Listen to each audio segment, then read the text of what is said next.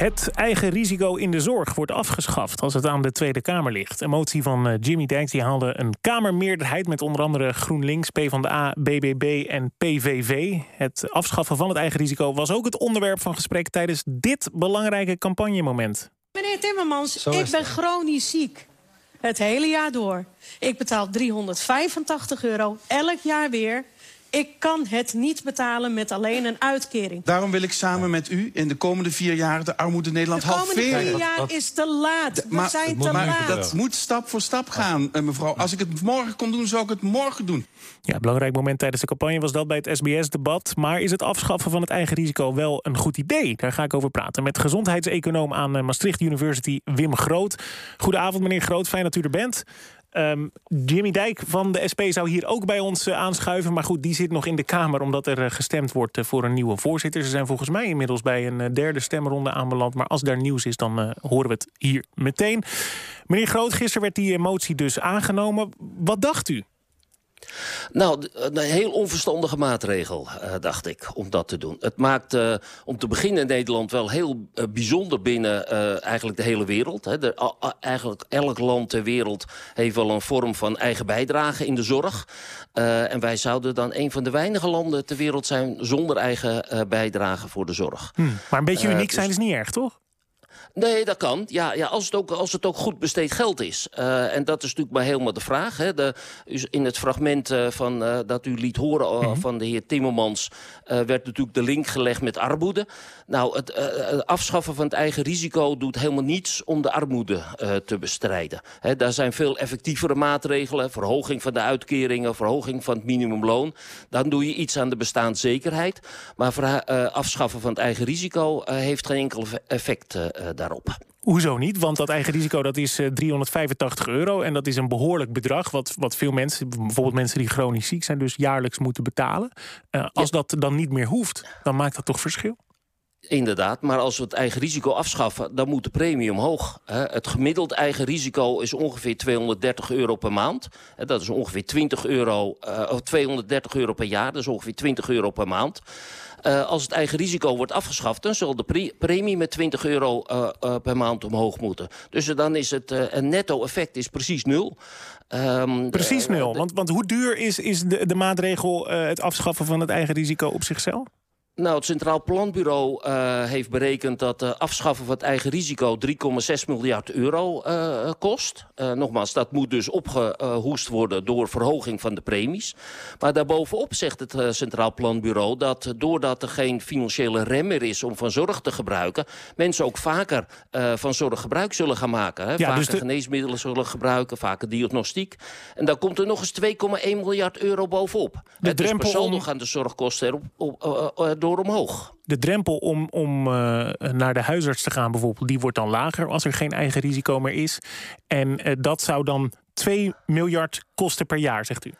Ja, ja, nou ja, kijk, de huisarts is al uh, uitgezonderd van het eigen risico. Hè. Het eigen risico betalen we vooral voor geneesmiddelen... een bezoek aan de huisarts of voor een, ja, een foto of een laboratoriumonderzoek. Um, uh, maar er zijn mensen die, uh, die, die, om die reden dus niet naar de huisarts gaan... of niet van zorg gebruik maken. En het Centraal Planbureau nogmaals verwacht dus dat, dat als die financiële rem verdwenen is... mensen dus meer zorg gaan gebruiken. dat kost dus ja, 2 miljard extra. En dat betekent dus dat de premie nog eens met 6 euro per maand omhoog gaat. Hm. He, dus per saldo betekent dus dat we meer geld kwijt zijn voor de zorg... Ja. meer premie moeten betalen... en dus die bestaanszekerheid er eerder op achteruit gaat. Maar dat geld dat, dat betalen we dan met z'n allen natuurlijk. Uh, terwijl nu is uh, meneer Dijk van de SP die zegt... dit is nu een boete op ziek zijn, dat eigen risico.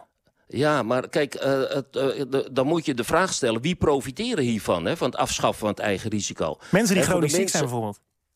Ja, mensen die chronisch ziek zijn, inderdaad. Maar um, voor mensen met de lage inkomens, op het sociaal minimum...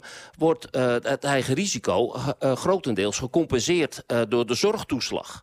Ehm, dus als dat omhoog of omlaag gaat... ja, dan gaat ook de zorgtoeslag omlaag... en gaat per saldo de lasten voor de mensen met de laagste inkomen niet omhoog.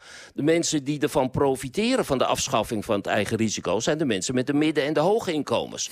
Die geen zorgtoeslag krijgen. Dus eigenlijk is dit, hè, dat voorstel van de SP... een soort cadeautje voor de mensen met de hogere inkomens. Hm. als die straks van zorg gebruik maken... hoeven ze geen eigen risico meer te betalen. En voor de mensen met de lage inkomens, ja, daar maakt het niks uit. Want die zorgtoeslag die gaat mee uh, met de verhoging of verlaging van, van het eigen risico. Ja. Een op de vier Nederlanders uh, noemt het eigen risico als reden om, om de zorg te mijden. Dat gaat dan inderdaad vooral om, ja, om veel mensen met, met lage inkomens, maar ook om die middengroep. Ja, ja dat kan. Ja, inderdaad. Dat, uh, ja. Maar ja, goed, uh, ik vind dat altijd een beetje een moeilijke, een moeilijke vraag. Dat zijn, zijn dingen wat mensen zeggen. Uh, en dat uh, hoeft natuurlijk niet per, per, se ook te betekenen... dat ze zich in hun gedrag daardoor laten beïnvloeden.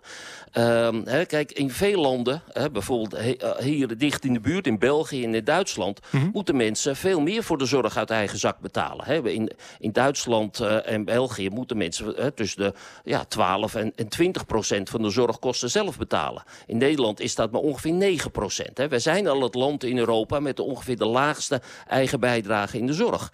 En in België en Duitsland wordt er veel meer zorg gebruikt dan in Nederland. Dus, dus het ligt niet zo heel, heel erg eenduidig dat, dat, uh, um, dat de lage eigen bijdrage betekent dat mensen uh, uh, minder zorg gebruiken. Ja, ja, en terwijl die, die zorgkosten in Nederland, in andere landen ook, maar in Nederland die, die zijn al zo hoog en daar moet eigenlijk al bezuinigd worden.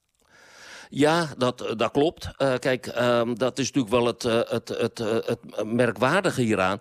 als je kijkt naar de ambtenaren bij, bij Financiën... Hè, die hebben vorige week een rapport uitgebracht... waarin vooral aange, aangespoord wordt om te bezuinigen op de zorg. en ook mensen meer zelf te laten betalen voor de zorg. Hè, dit, dit, dit voorstel natuurlijk voor de afschaffing van het eigen risico... betekent dat de collectieve lastendruk omhoog gaat. En dat gaat dus wel lijnrecht in tegen wat met name de ambtenaren... Uh, zelf vinden. Ja.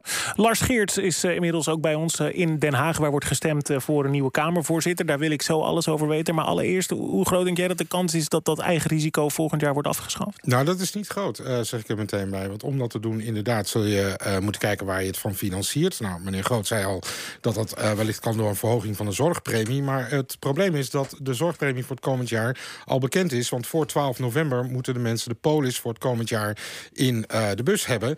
En uh, die polis, daar is het eigen risico al in verrekend. Uh, als je dat dus nog wil wijzigen, dan uh, kan dat niet volgens de huidige wetgeving. Dus de eerste, de beste mogelijkheid om dat wel te doen is bij Prinsjesdag volgend jaar. Nou, dat kan natuurlijk. Dan kan het zijn dat er een nieuw kabinet zit. Er is een Kamermeerderheid om dat af te schaffen. Maar dan zal ook weer die vraag op tafel uh, komen. Hoe betaal je dat? Hm. Doe je dat inderdaad door die zorgpremie omhoog te doen? Of doe je dat bijvoorbeeld door de belastingen uh, te verhogen? En betaal je dus uit de schatkist? Maar uh, voorlopig voor komend jaar zie ik het er niet van gebeuren. Inmiddels, ja. want, want daar kom ik eigenlijk voor, zou ik zeggen. Ja. inmiddels zie ik dat de voorzitter van het stembureau... ja, er is een heus stembureau in de Tweede Kamer. Een briefje heeft uh, overhandigd aan de voorzitter... want de tweede stemronde voor de nieuwe permanente voorzitter... die is inmiddels geweest. De stemmen worden geteld. En de tijdelijke voorzitter Rolien Kamminga... die zal over enkele momenten het woord geven aan Hap de Moede Hoop. Hap de Moede Hoop is de voorzitter van het stembureau in de Tweede Kamer, eventjes. En die moet dus bekend gaan maken wat de uitslag van die tweede ronde is. Ik durf alleen niet te voorspellen dat we dat gaan halen... voor het nieuws van 7 uur, zeg ik er maar bij. Ja. Want uh, uh, er wordt nog dringend gekeken. De vorige stemronde had uh, Martin Bosma de meeste stemmen, 71. Maar dat was geen meerderheid van het uitgebrachte aantal stemmen. En dus was er een tweede ronde nodig.